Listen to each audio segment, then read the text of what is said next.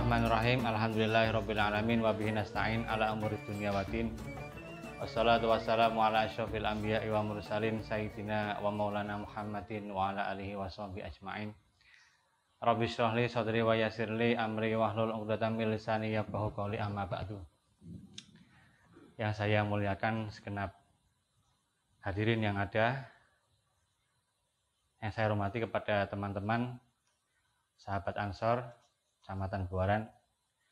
Alhamdulillah di malam hari ini kita bisa berjumpa lagi kepada pengajian atau pembacaan kitab fikih uh, kasih patuh saja yang ini akan berguna sangat kepada kita semua dan juga salawat serta salam kita tidak lupa kita berikan kepada kajian Nabi Muhammad SAW agar kita sebagai umatnya akan selalu mendapatkan syafaat dari beliau. Amin ya, ya robbal alamin. Para sahabat dan pemirsa yang kami hormati melanjutkan eh, pembacaan kitab yang meneruskan kemarin. Ini yang saya baca adalah pinggir dari kasifah yaitu kitab Sapinatun Najah. Dan nanti sedikit akan saya bacakan yang ada dalam kitab kasifahnya Sebelumnya kita baca Fatihah seperti halnya tradisi dari ulama-ulama Nahdlatul Ulama. Kalau mengawali pembacaan kitab ini ada hadiah Fatihah dulu. Allah hadina solihah Al-Fatihah. A'udzubillahi Bismillahirrahmanirrahim. Alhamdulillahirabbil alamin. Ar-Rahmanirrahim. Maliki yaumiddin. Iyyaka na'budu wa iyyaka nasta'in. Ihdinas siratal mustaqim. Siratal ladzina an'amta 'alaihim ghairil maghdubi 'alaihim waladdallin. Amin Bismillahirrahmanirrahim. Faslun arkanul islami. Faslun ay hada faslun utawi iki kono fasal suwiji. Arkanul islami utawi pira-pira rukun Islam khamsatun iku ana lima. Syahadatu alla ilaha illallah rupane nyeksekake sak temene kelakuan la ilaha ora ana pangeran kang hak den sembah iku maujud illallahu kejaba Gusti Allah. Wa anna muhammadan lan nyeksake sak temene kanjeng Nabi Muhammad Rasulullah iku dadi utusane Allah taala. Wa iqamus sholati lan jumenengake salat wa ita zakati lan ngawehake zakat utawa nekake zakat. Wa saumu ramadan lan poso ramadan wahajul baitilan tindak haji marang baitullah. Man rupane wong istato akang mampu sapa man ilahi marang haji mampu apane sabilan dalane. Iki akan menerangkan tentang masalah rukun-rukun Islam di mana sudah sangat maklum bahwa kita sebagai orang muslim harus mengetahui rukun-rukun Islam ini ada lima. Yang pertama adalah syahadat menyaksikan bahwasanya tiada Tuhan selain Allah. Dan juga menyaksikan bahwasanya Kanjeng Nabi Muhammad itu adalah uh, utusan Allah. Dan yang kedua adalah mendirikan sholat. Ketiga adalah menunaikan zakat. Keempat puasa Ramadan. Dan yang terakhir adalah haji kepada Baitullah bagi orang-orang yang mampu. Dalam pasal ini kita harus mengetahui hal-hal yang sangat penting. Dalam masalah syahadat yang pertama, bahwasanya syahadat itu artinya Allah ilaha illallah aila ma'budu bihakin maujudin illallah. Aila ma'budu bihakin maujudun illallahu. Bahwasanya tidak, tidak tidak ada zat yang bisa disembah dengan hak atau dengan sebuah kebenaran kecuali itu adalah Allah taala banyak hamba-hamba yang menyembah kepada Tuhan-Tuhan sesuai dengan persepsi mereka. Ada Tuhan ini, Tuhan ini, dan itu, api, berhala, dan lain-lain. Ini makbud namanya. Tapi apakah makbud itu hal yang hak atau tidak? Hal yang benar atau tidak? Ini dijawab dengan kalimat syahadat bahwa semua itu tidak ada yang hak kecuali yang disembah itu adalah Allah Ta'ala. Maka sudah jelas bahwasanya dalam syahadat ini ya kita sudah menyaksikan hal yang tersebut bahwa yang disembah itu hanyalah Allah Ta'ala. Yang lain menyembah tapi tidak benar atau tidak pada jalan yang hak. Kemudian dalam syahadat juga ada kanjeng Nabi Muhammad Wasallam sebagai Rasulullah. Ini perlu dijelaskan sedikit tentang masalah kerasulan kanjeng Nabi.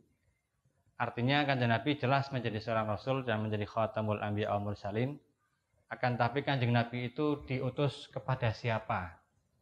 Apakah hanya kepada umatnya saja seperti kita? Atau kepada orang-orang yang sebelum kita, dalam arti sebelum kanjeng Nabi? Atau kanjeng Nabi juga tidak diutus kepada malaikat atau diutus kepada malaikat. Ini para ulama berbeda pendapat. Ini saya bacakan dalam kitab Asyifah. Waktalafa al ulama'u fi bi'satir nabi sallallahu alaihi wasallam ilal malaikah. Para ulama berbeda pendapat tentang Kanjeng Nabi diutus kepada para malaikat. Ala qaula ini Wajazama al-halimi wal bayhaqi annahu lam yakun mab'usan ilaihim. Warajaha as-suyuti wa syekh taqiyuddin as-subki annahu kana mab'usan ilaihim. Ini dari penjelasan ini kanjeng Nabi diutus kepada para malaikat ada dua pendapat. Yang pertama pendapat dari Imam Al-Baihaqi dan Imam Al-Halimi bahwa kanjeng Nabi tidak. Kanjeng Nabi tidak diutus kepada para malaikat katakan malaikat ada Jibril, Mikael, Israfil yang kita tahu atau yang sebagai kewajiban muslim ada 10 itu padahal malaikat tidak hanya 10 saja banyak malaikat-malaikat yang uh, tidak wajib kita imani tapi jelas adanya seperti malaikat karobiun yang menjaga arsh kemudian ada malaikat yang pembawa rahmat ya. Kemudian ada malaikat itu uh, yang uh, apa namanya bertawaf di ars ya. Bertawaf menjaga ars itu sehingga sananya Allah dan lain-lain yang ada. Tapi ini belum uh, atau tidak diwajibkan uh, oleh kita untuk mengimani sebab apa saking banyaknya ngomong 10 aja kadang lupa ya 10 aja ketika kecil dihafalkan hafal ketika dewasa lupa tapi ini lagu-lagu ora lupa nah ini kebiasaan Nah ini apakah kanjeng Nabi diutus kepada mereka? Ada dua pendapat. Imam Halimi mengatakan tidak. Seperti hanya Imam Al-Halimi adalah Imam Al-Hayhaqi. Al-Bayhaqi. Kemudian yang kedua pendapat dari Imam Asyuyuti. Waraja Asyuyuti wa Syekh Taqiyuddin. Ulama dua ini pentolan dari madhab syafi'i Imam Asyuyuti kemudian Imam Tajuddin eh, Imam Taqiyuddin Asyuki mengatakan karena mab'utan ilaihim. Kanjeng Nabi membawa syariat ini juga dipublikasikan kepada mereka para malaikat ya pada para pada para malaikat. Ini pendapat yang kedua. Nah, yang benar mana? Ya terserah ini namanya hilaf ya. Kalau mau dianalisa juga silahkan kanjeng Nabi diutus kepada malaikat itu apakah malaikat nanti hukumnya wajib untuk sholat atau tidak? Kemudian kalau malaikat itu misal lupa bagaimana? Tapi yang jenenge malaikat itu nggak ada yang lupa. Oh malaikat itu nggak punya nafsu. Semisal disuruh untuk sholat ya sudah suruh sholat terus. Nah ini pendapat yang kedua Imam Asyaf eh Imam Taqiyuddin Asyubi dan Asyuti mengatakan seperti itu. Artinya kanjeng Nabi diutus untuk uh, untuk mereka juga. Nah, kemudian kepada para umat-umat yang sebelum kita, umat Muhammadiyah, apakah kanjeng Nabi juga diutus kepada mereka? Ini pun wazad asuki, Imam Asuki menyambahi annahu sallallahu alaihi wasallam mursalun ila jami'il anbiya wal umamis sabiqah. Kanjeng Nabi itu tidak hanya diutus kepada kita. Kanjeng Nabi diutus kepada kita mulai 1400 apa 14 abad tahun yang lalu mulai dari zaman sahabat sampai kepada kita dan sampai kepada umat-umat yang akhir di zaman, akhir zaman yaitu sampai yaumul kiamah tiba Ternyata menurut Imam Asuki, kanjeng Nabi juga diutus kepada seluruh para nabi. Jadi para nabi-nabi yang sudah meninggal itu juga diberi informasi tentang syariatnya kanjeng Nabi. Dan juga para umat misabikoh dari umat-umat yang sebelum kita. Ini pendapat Imam Asuki. Wa anna qaulahu sallallahu alaihi wasallam bu'itsu ilan nasi kafatan syamilun lahum min ladun adam ila qiyamis saah Dasarnya Imam Asuki bahwa kanjeng Nabi mengatakan bahwasanya saya diutus kepada manusia secara kafah, secara uh, secara universal, secara kesemuaan. Sehingga dari pendapat ini uh, umam-umam atau umat-umatnya kanjeng Nabi ini tidak hanya orang-orang yang hidup di zaman Nabi dan wilayah kiamah, tapi umat-umat yang sebelum Nabi pun juga seperti itu. Ini ada uh, analisa dari Syekh Nawawi Al-Bantani dalam masalah kanjeng Nabi mengutus itu diutus itu apakah kepada malaikat atau kepada umat-umat sebelumnya. Ini seperti tadi ada dua pendapat. Kalau masalah malaikat kemudian juga Imam Subki mengatakan ditambah bahwa kanjeng Nabi juga diutus kepada uh, umat-umat sebelum sebelum beliau kemudian dalam setelah syahadat ada ikomus sholat ya, ataupun mendirikan sholat Perlu diketahui bahwa ya abdulul ibadat al badaniyah al zahirah. Bahwasanya sholat itu adalah ibadah yang bangsa badan atau pergerakan-pergerakan ini yang paling utama. Ibadah itu banyak ada puasa, ada haji, ada zakat dan ada apa namanya eh, zakat, puasa, haji ya, ada sholat. Ini yang paling utama bukan zakat, bukan haji, juga bukan puasa, tapi adalah sholat. Jadi orang umpamanya saja zakatnya wakeh, tapi tidak tahu sholat. Nah ini namanya uh, keliru ya bahasa Jawanya keliru. Wong yang paling abdul itu adalah sholatnya. Yang penting sholatnya dulu, kemudian haji, haji atau ibadah-ibadah sholat setelahnya ini baru uh, apa namanya uh, diutamakan. Tapi kan bukan berarti ini adalah pilihan. Oh berarti saya karena sholat itu yang paling afdol, saya sholat aja lah. Yang lain nggak usah. Tidak begitu. Semuanya wajib, tapi di antara kewajiban ini ada yang paling afdol. Dan yang paling afdol itu adalah sholat. Wanafluha afdolun nawafil. Dan kesunahan ataupun ibadah sunnah dalam sholat atau sholat-sholat sunnah itu adalah afdolun nawafil. Paling utamanya ibadah-ibadah sunnah Nanti kalau kita bandingkan, umpama ada sholat sunnah, kemudian juga ada puasa sunnah. Ada orang puasa sunnah, tapi tidak melakukan sholat sunnah. Dibandingkan dengan orang melakukan sholat sunnah, tidak melakukan puasa sunnah, ini lebih baik orang melakukan puasa sunnah. Meskipun dia tidak melakukan, eh lebih baik orang melakukan sholat sunnah daripada dia tidak melakukan uh, daripada dia melakukan puasa sunnah. Karena kes, sholat sunnahnya itu afdolul nawafil. Nah ini keterangannya begitu. Sholat sunnah tidak puasa sunnah lebih baik daripada puasa sunnah tidak melakukan sholat sunnah. Ini keterangan dalam masalah ikomus sholat. Nah kemudian ada lagi wa ita uzakah kita tahu zakat itu adalah menunaikan zakat. Nah, ini supaya tidak dikatakan bakhil. Sebab dikatakan bakhil itu dalam kitab Nasoihul Ibad orang bakhil itu bahwa man la zakata atau man la yuti zakah. Wong sing ora nekake zakat itu dikatakan bakhil. Lah itau zakat itu aitauha liman awujida minal mustahiqina fauron ida tamakana minal ada ma'a wujubi ta'mim wahum sama niatu anwain ya. Kemudian wajibnya zakat ini artinya memberikan kepada orang-orang yang berhak dan secara fauron secara langsung. Zakat itu nggak boleh ditunda-tunda. Kalau sudah zakat sesuai dengan syarat-syaratnya apakah itu pakai haul? Yang jelas pakai nisab ya. Nisab kemudian haul. Nisab itu takaran sebatas mana yang diukur untuk kewajibannya kemudian apakah memakai haul atau tidak? Kalau dalam tijarah memakai haul berarti satu, satu tahun. Kalau sudah sesuai ya sudah. Harus di harus dikeluarkan. Tidak boleh ah, nanti aja lah. Nanti aja nanti aja kedarung hilang uangnya. Atau kedarung uh, uang itu dipakai untuk yang lain. Ini nanti dosa. Ya, sebab kewajibannya zakat itu fauron. Kebalikan tahu fauron adalah tarohi. Tarohi itu adalah menunda-nunda nah, ini kewajibannya zakat tidak menunda-nunda tapi secara secara langsung kemudian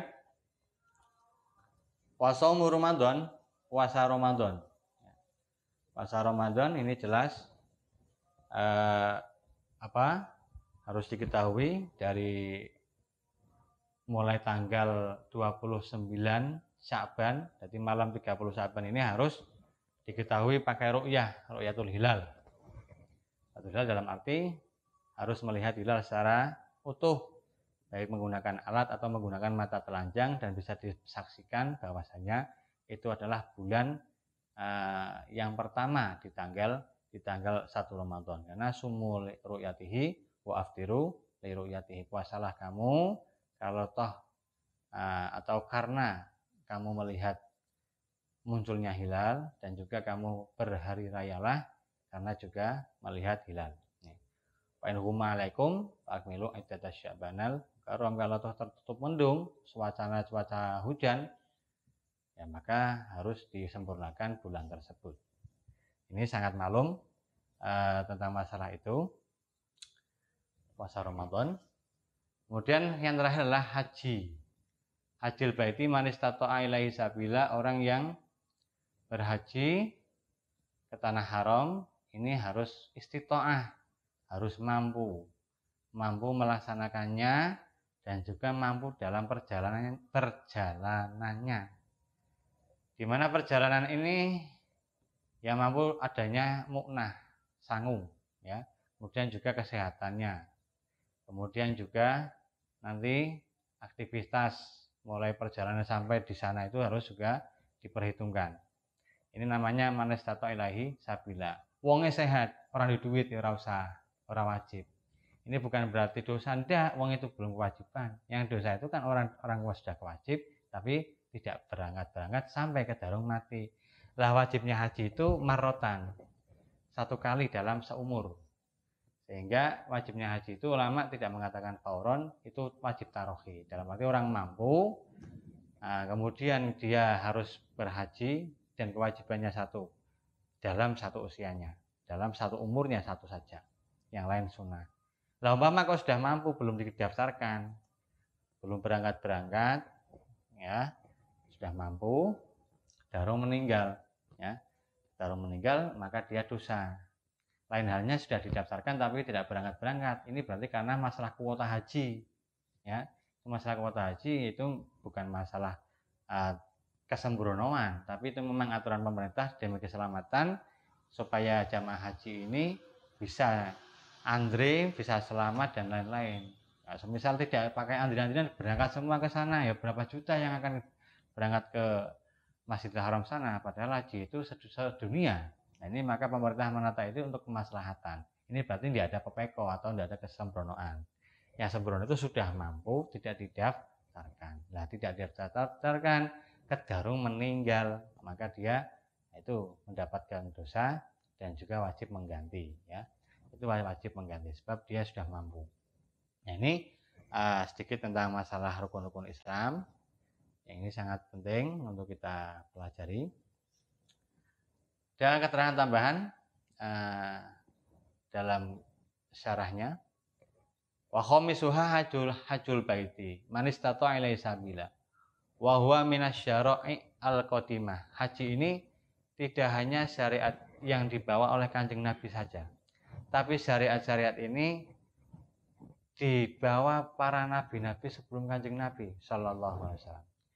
Bal ma min illa wahajja bal ma min illa wahajja ora ono ya salah setunggal nabi kecuali nabi niku pun haji jadi nabi semua yang jumlahnya kalau dihitung itu seperti janggutnya kanjeng nabi dalam kitab I'lamul Mauqi'in jumlahnya janggutnya nabi itu ada 124 ribu itu podo kaya jumlah nabi lan podo kaya jumlah sahabat nalika sahabat ditinggal kanjeng nabi itu dalam kitab Ilamul Mauqi'in karangan uh, Al-Jauzi. Nah itu semua nabi sudah pernah haji. Tidak ada satupun yang belum. Nah itu nanti dipretel nabi 224 ribu itu ada yang rasul, ada yang tidak. Yang rasul 313, ada yang mengatakan 316. Nah 316 itu yang wajib diketahui adalah 25. Wajib diketahui, biar dapalkan alika cilik, wis gede kalian. Nah ya, ini biasa.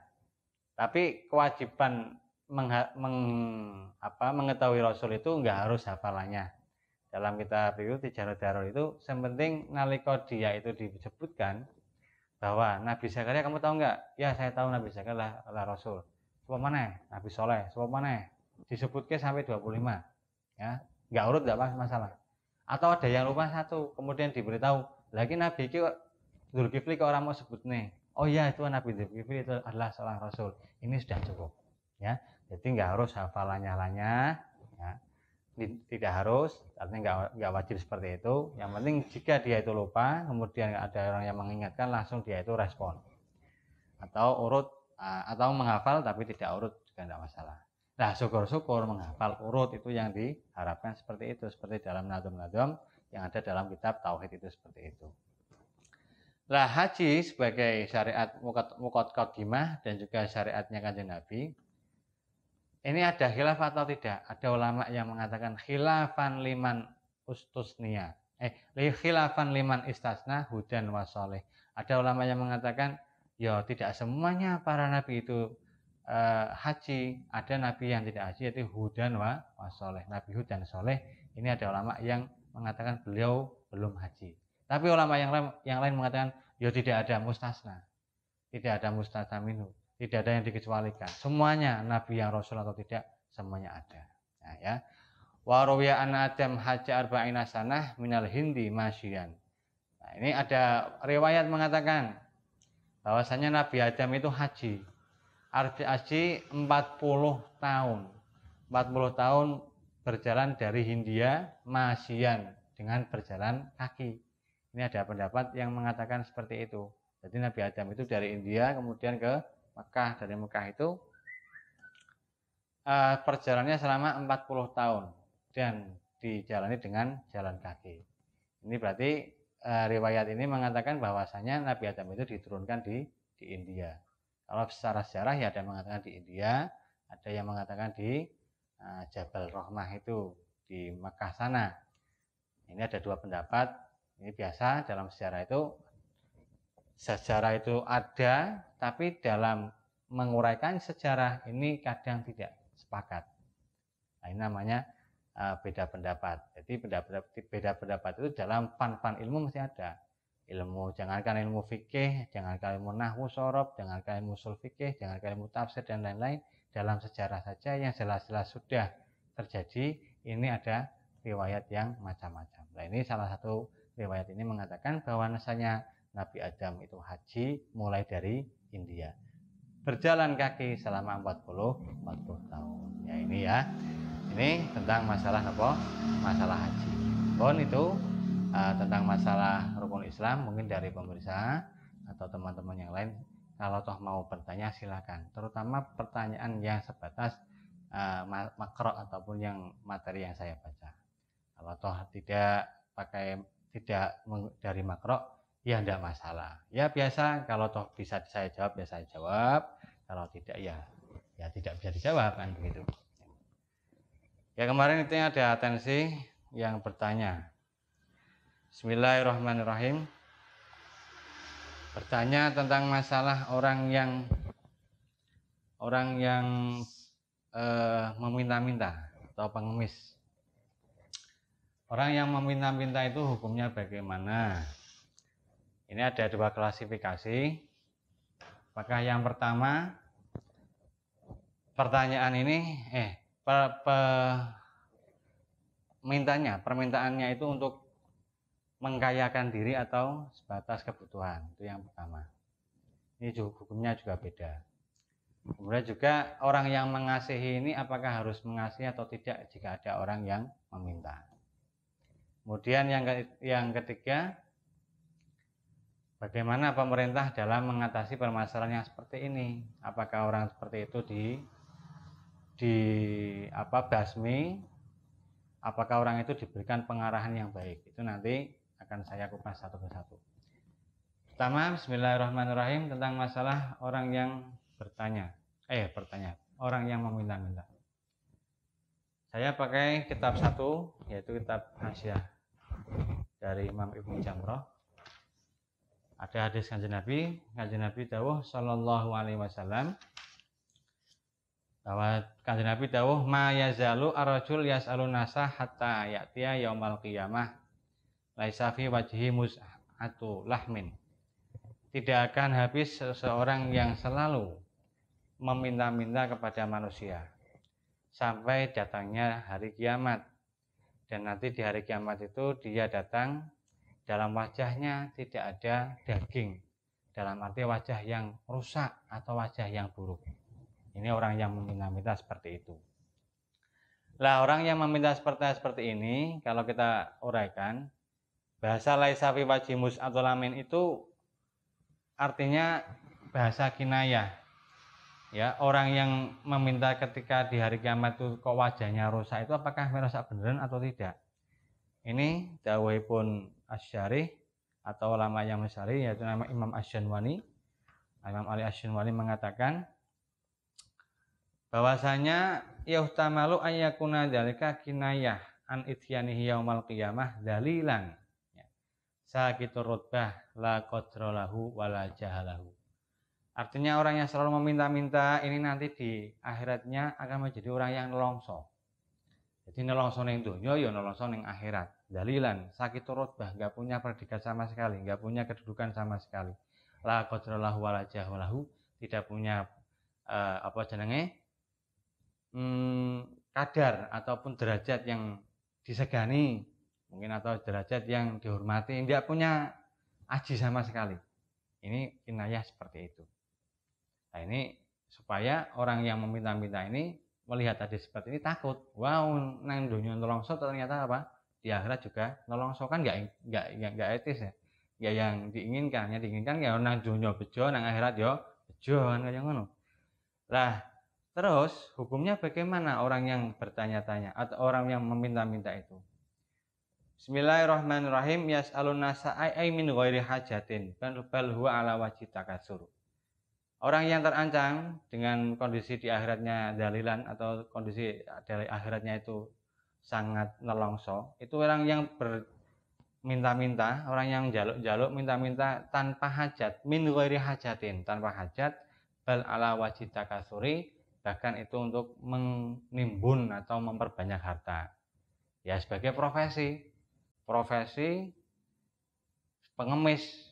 Jadi wes pokok mulai jam sekian sampai jam sekian harus mencari uang sebanyak-banyaknya dengan meminta-minta. Namanya takasur. Lah wa amad dawa musu al mal hajah kula marotin falaisa matmuman kalau ada orang kok jaluk terus ya, meminta terus ya mungkin profesi ya tidak masalah. Tapi malah hajat dia itu butuh. Kolamaroten ya di setiap saat falai samat muman maka itu tidak tidak apa-apa jadi orang meminta itu ono sing gal dino butuh ono sing ora contoh ada orang meminta wong mis paling gal dino oleh lima sewu rong puluh hewu ya dua puluh ribu Ya untuk makan setiap hari mulai dari apa pagi sampai sore pagi malam, ya secara nalar memang sudah habis. Nah besoknya kok meminta lagi dan penghasilannya seperti itu terus mutar. Ini namanya dawamul haja, ya. Dawamu soal ma'al haja. Berarti dia itu memang memang butuh karena memang tidak punya uang yang sama sekali. Ini kalau seperti itu tidak masalah. Nah beda yang pertama, takasur itu. Ngatur itu meminta des uangnya berapa ini setiap hari dapatnya 200 ribu. Itu kan ada dalam TV itu ya. Ada orang pengemis dapatnya bukan puluhan ribu tapi ratusan ribu. Besoknya juga mengemis lagi. Besoknya juga mengemis lagi ini namanya mengemis untuk takasurul mal untuk memperbanyak harta. Nah ini kalau seperti itu tah ini yang dilarang oleh kancing Nabi. Kemudian pun uh, ulama fakot yasalu ar-rajul daiman walaisa mutakatsiron lidawa miftikorihi wahtiyajihi terkadang ada orang itu meminta-minta terus menerus bukan untuk memperbanyak tapi karena memang dia itu butuh ya butuh karena nggak punya apa namanya kelebihan tidak punya skill. Ya mungkin kalau mas-mas ini punya skill kan sudah maklum namanya zaman sekarang apalagi orang-orang milenial mesti punya skill. Apakah skillnya pakai keterampilan tangan atau menggunakan pikiran? Mesti ada. Tapi kalau orang-orang yang dijumbo-jumbo itu kan tidak punya skill sama sekali. Tapi yang jelas mereka punya kebutuhan. Lah mereka-mereka ini yang meminta-minta ini ya yang meminta-minta ini kemudian karena dia itu adalah orang yang butuh ya ini ada lidawa miftikorihi karena dia itu adalah orang yang fakir wahtiaji dan orang yang butuh. Nah ini hukumnya laisa apa e, laisa matmuman ini tidak tidaklah di dicela oleh agama tidaklah haram. Lakinnal qawaida tubinu anal mutawaid wa asail an ghinan wa kasrotin bahwasanya kaidah dari rumusan ulama tentang masalah hadis tersebut ancaman yang seperti tadi orang yang meminta-minta itu di akhir wajahnya akan hancur di akhir yang kiamat itu nanti akan hancur wajahnya ini orang yang meminta-minta untuk biar kaya. Kemudian kemudian juga untuk wakasrotin kemudian untuk apa ini? Memperbanyak harta. Lian nasu alal hajah mubahun karena kalau meminta orang yang kondisinya butuh ini hukumnya apa mubahun ini dari keterangan ini kalau saya bisa simpulkan ya tergantung tadi tujuannya itu apa dan kondisi kita lihat orang tersebut. Apakah orang itu memang pengemis ini pengemis yang dijumbo-jumbo itu atau pengemis-pengemis yang necis dalam arti ketika mengemis pakaiannya compang camping di rumahnya punya kendaraan banyak dua. Pengemis kok punya kendaraan dua. Kemudian juga rumahnya juga ada anaknya juga ada dan lain-lain. Ini kan berarti sudah punya kecukupan di rumahnya. Dalam arti dia masih bisa untuk melakukan hal-hal yang selain mengemis. Kok masih mengemis? Berarti mengemisnya itu untuk memperbanyak apa? Memperbanyak harta. Apalagi eh, penghasilannya setiap hari lebih dari 200 ribu, 300 ribu. Ini ya mungkin yang memberi sama yang diberi. Uangnya pada hari itu banyak yang diberi. Sing duwe paling kerja kerja ning sedinane berapa? Nah, mau mes jaluk-jaluk sedinane lebih dari 200 ya. Di Pekalongan tidak ada seorang kuli 200 ribu itu nggak ada ya. UMR itu nggak ada sampai 200 ribu ya. Oh dia mengemis sampai 200 ribu dan besoknya seperti itu lagi seperti itu lagi. Nah, maka dikembalikan pada orang tersebut tujuannya apa ini masalah hukum kemudian yang kedua uh, jika ada orang mengemis apakah respon kita respon apakah kita harus membentak-bentak atau kita cuman ya diam atau kita bagaimana ini ada uh, ayat Al-Quran yang sudah sangat masyhur sudah biasa kita lantunkan dalam surat Wadduha itu ada dawahnya ada firman Allah wa ammasaila fala tanhar. Ya, sebentar. Ini kitabnya ada di PDF habis saya. Bismillahirrahmanirrahim ammasaila fala tanhar. Ya.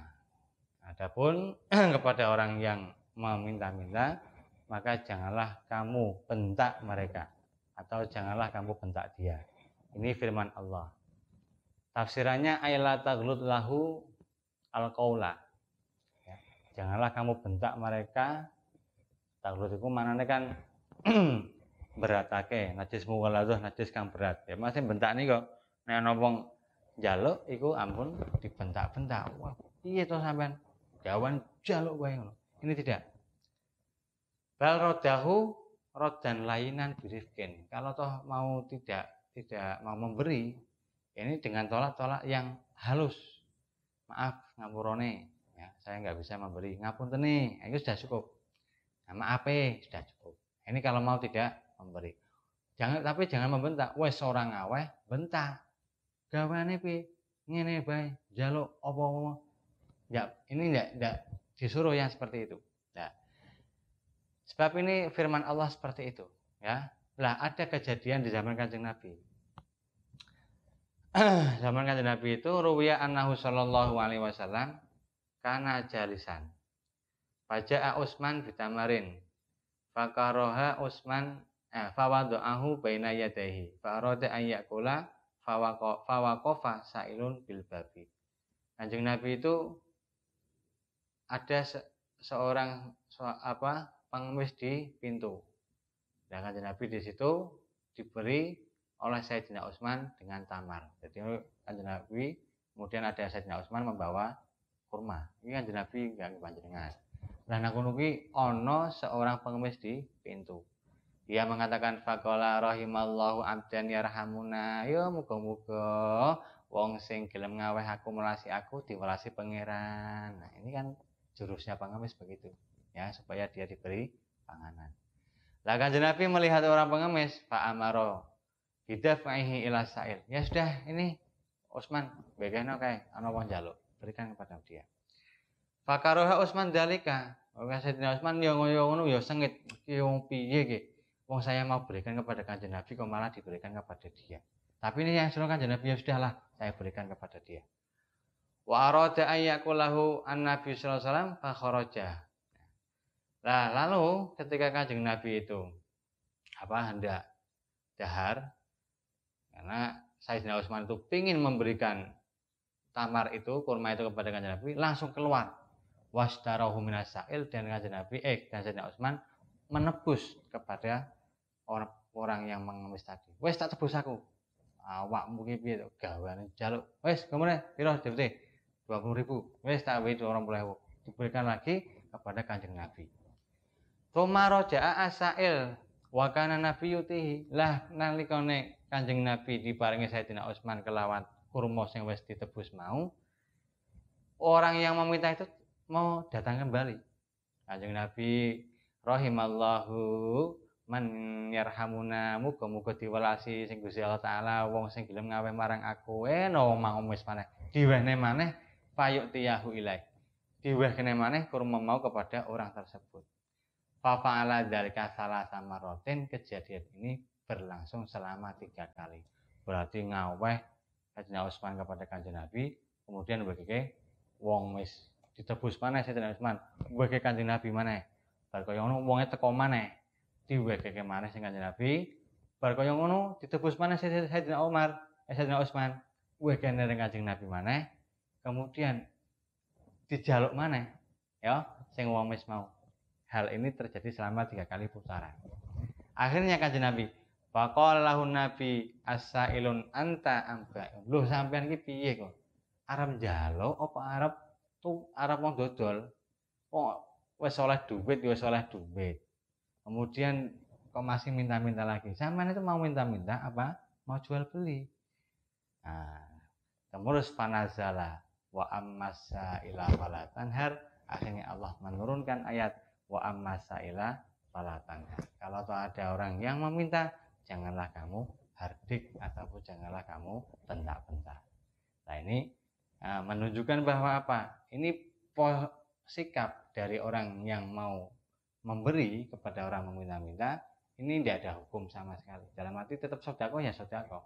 Dia mau untuk takasur, untuk mau mem memperbanyak uang atau dia untuk mau itu urusan mereka. Ya, itu urusan mereka. Apakah dia hajat atau dia itu pura-pura dan seterusnya ini adalah uh, urusan mereka. Sebab apa? Kalau wajib dan nanti dihukumi apakah wajib dan haram memberikan seperti itu, berarti wajib juga meneliti orang-orang tersebut. Iki nang omahe wonge kaya apa? Iki orangnya seperti ini di rumahnya punya apa? Kan sulit nanti. Ya. Maka tidak wajib untuk uh, seperti itu meneliti-meneliti yang meneliti yang seperti apa. Yang jelas kalau ada orang yang memberi yang meminta mau diberi atau tidak terserah. Yang jelas tidak boleh di disentak-sentak atau tidak boleh di uh, dibentak-bentak dengan dengan keras. Nah, kalau toh mau menolak tadi menggunakan rod dan lainan dengan menolak yang yang halus. Nah, itu jadi ada dua hukum ya, ada dua hukum dalam memberi, kemudian juga ada hukum orang yang meminta. Ini sudah dua sub, ada jawaban dalam ini. Ini keterangan dalam kitab Tafsir Nawawi karangan Syekh Nawawi Al-Bantani. Ya, dalam surat Al-Duha. Kemudian yang terakhir hendaknya bagaimana orang-orang yang uh, yang apa namanya yang meminta-minta itu apakah dijarkan saja atau tidak ini urusan pemerintah sebab pemerintah itu harus melakukan dengan maslahat melakukan maslahat di antaranya menata-nata masyarakatnya termasuk orang-orang yang seperti itu harus diberi uh, di apa namanya di karantina supaya nanti ada pengarahan. Kalau dalam kita pengarahan seperti itu ya belum ada contoh. Tapi kan Nabi sudah pernah memberikan contoh. Ini pengarang Nabi pada orang yang selalu meminta-minta. Ini saya ambilkan dalam kitab Hasyiah ya, Abi Jamrah juga yang mengatakan bahwa uh, ada sahabat Hakim ya. Wa an Hakim bin Hizam qala Sa'altu Rasulullah sallallahu alaihi wasallam fa'atani thumma sa'altuhu fa'atani thumma qala ya Hakim inna hadzal malam inna hadzal mal khadirah hulwah faman akhadahu bi sakhawati nafsin burika lahu fihi wa man akhadahu bi israfi nafsin lam yubarak lahu fihi wa kana kalladhi yaqulu wa la yashba'u wal khairun minal yadis ini artinya bahwasanya ada hakim hakim bin Hizam itu seorang sahabat yang meminta, meminta. Ini pernah meminta kepada kanjeng Nabi. Kanjeng Nabi, aku paringi. Kanjeng Nabi maringi. Kemudian setelah itu saat tuhu fa'atoni. Saya minta lagi kepada kanjeng Nabi. Dia juga memah, memaringi, memberikan apa yang dia minta. Nah, lalu kanjeng Nabi memberikan sesuatu. Eh, olah hakim. Sini hakim, ya hakim. Inna hadal mal khadirah hulwah. Paman akhadahu bisa khawatir nafsin burikalahu bihi kamu ketahui ya Hakim, bahwasanya harta itu adalah manis. Manis dan sangat manis. Artinya orang itu kalau melihat harta enak, manis ya. Lah, faman akhadahu bi sakhawatin nafsin burikalahu. Kalau toh orang itu mengambil dengan sakhawatin nafsin dengan uh, enak ke, kepenai hati, ya, kepenai hati, maka harta itu akan menjadi barokah. Dalam arti sakhawatun nafsin ini orang yang seperti lumrahnya. Orang lumrahnya mengambil uang itu ya dari kerja. Coba kita rasakan kita bekerja satu minggu full, kemudian diberi pocokan cara wong kalongan oleh juragane senengnya pok. Nah, karena dari keringat itu menghasilkan uang itu lebih indah daripada uang karena meminta-minta. Nah ini sebab dalam itu ada barokah. Ini dawuhnya kanjeng Nabi. Waman bi nafsin lam yubarak lahu. Kalau toh dia itu mengambil uang karena dengan uh, nafsu dengan keinginan yang sangat meng menggelora lam yubarak lahu. Tidak ada berkahnya. Seperti tadi mengemis. Orang itu kalau ada pengemis diberi. Kemudian ngemis lagi di kepada orang lain diberi mesti dia akan menjadi pengemis sebab apa dia sudah dalam artinya wah kayak mau gampangan kayak kayak mau apa gampangan mesti akan seperti itu itu namanya israfun nafsin mengambil uang dengan cara-cara uh, keinginan tidak ada berkahnya ini pun kanjeng nabi wakana kalladhi yakulu wala yasma'u orang tersebut ini seperti hanya orang makan tapi juga tidak tidak kenyang-kenyang wis wis gosak piring pengin mana pengin mana karena itu ada nafsunya lah nasihatnya kan Nabi wal yadul ulya khairun minal yadi sufla. Bahwasanya orang yang memberi atau bahasa lain tangan di atas itu lebih baik daripada tangan di bawah. Di bawah. Ini nasihat kanjeng Nabi sebagai seorang rasul dan juga sebagai seorang amirul mukminin dan juga pemimpin bangsa dan semuanya kepada orang yang meminta-minta ini seperti ini ya maka nah, ini adalah apa namanya tindakan ya tindakan bagi pemerintah atau bagi uh, eh, LSM atau orang-orang atau organisasi yang menekuni masalah itu nah ini boleh ya meniru seperti hadis seperti tadi agar apa agar orang uh, yang selalu meminta-minta ini uh, biar ada penanganan penanganan penanganan yang baik ya kemudian juga bisa nah, merubah diri menjadi orang yang seperti biasanya. Yaitu untuk menjawab dari pertanyaan siapa itu uh, teman dari Buaran ya dari dari kecamatan dari desa Buaran yang bertanya tentang masalah pengemis tadi ada hukumnya sendiri dan ada hukumnya orang yang memberi dan juga ada tindakan menangani kepada orang-orang yang selalu mengemis. Ya saja uh, referensi dari kitab ini Habib Jamroh. Uh, kemudian tadi saya bacakan dari tafsir tafsir Nawawi. Pun itu saja yang bisa kami sampaikan. Silakan nanti kalau ada kritik atau saran atau juga ada yang mau tanya silakan nanti bisa kirim lewat WA dan lain-lain.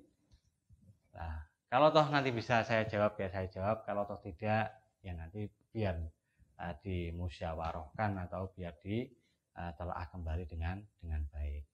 Ya, itu semoga bermanfaat di pengajian uh, Sabinatun Najah ini.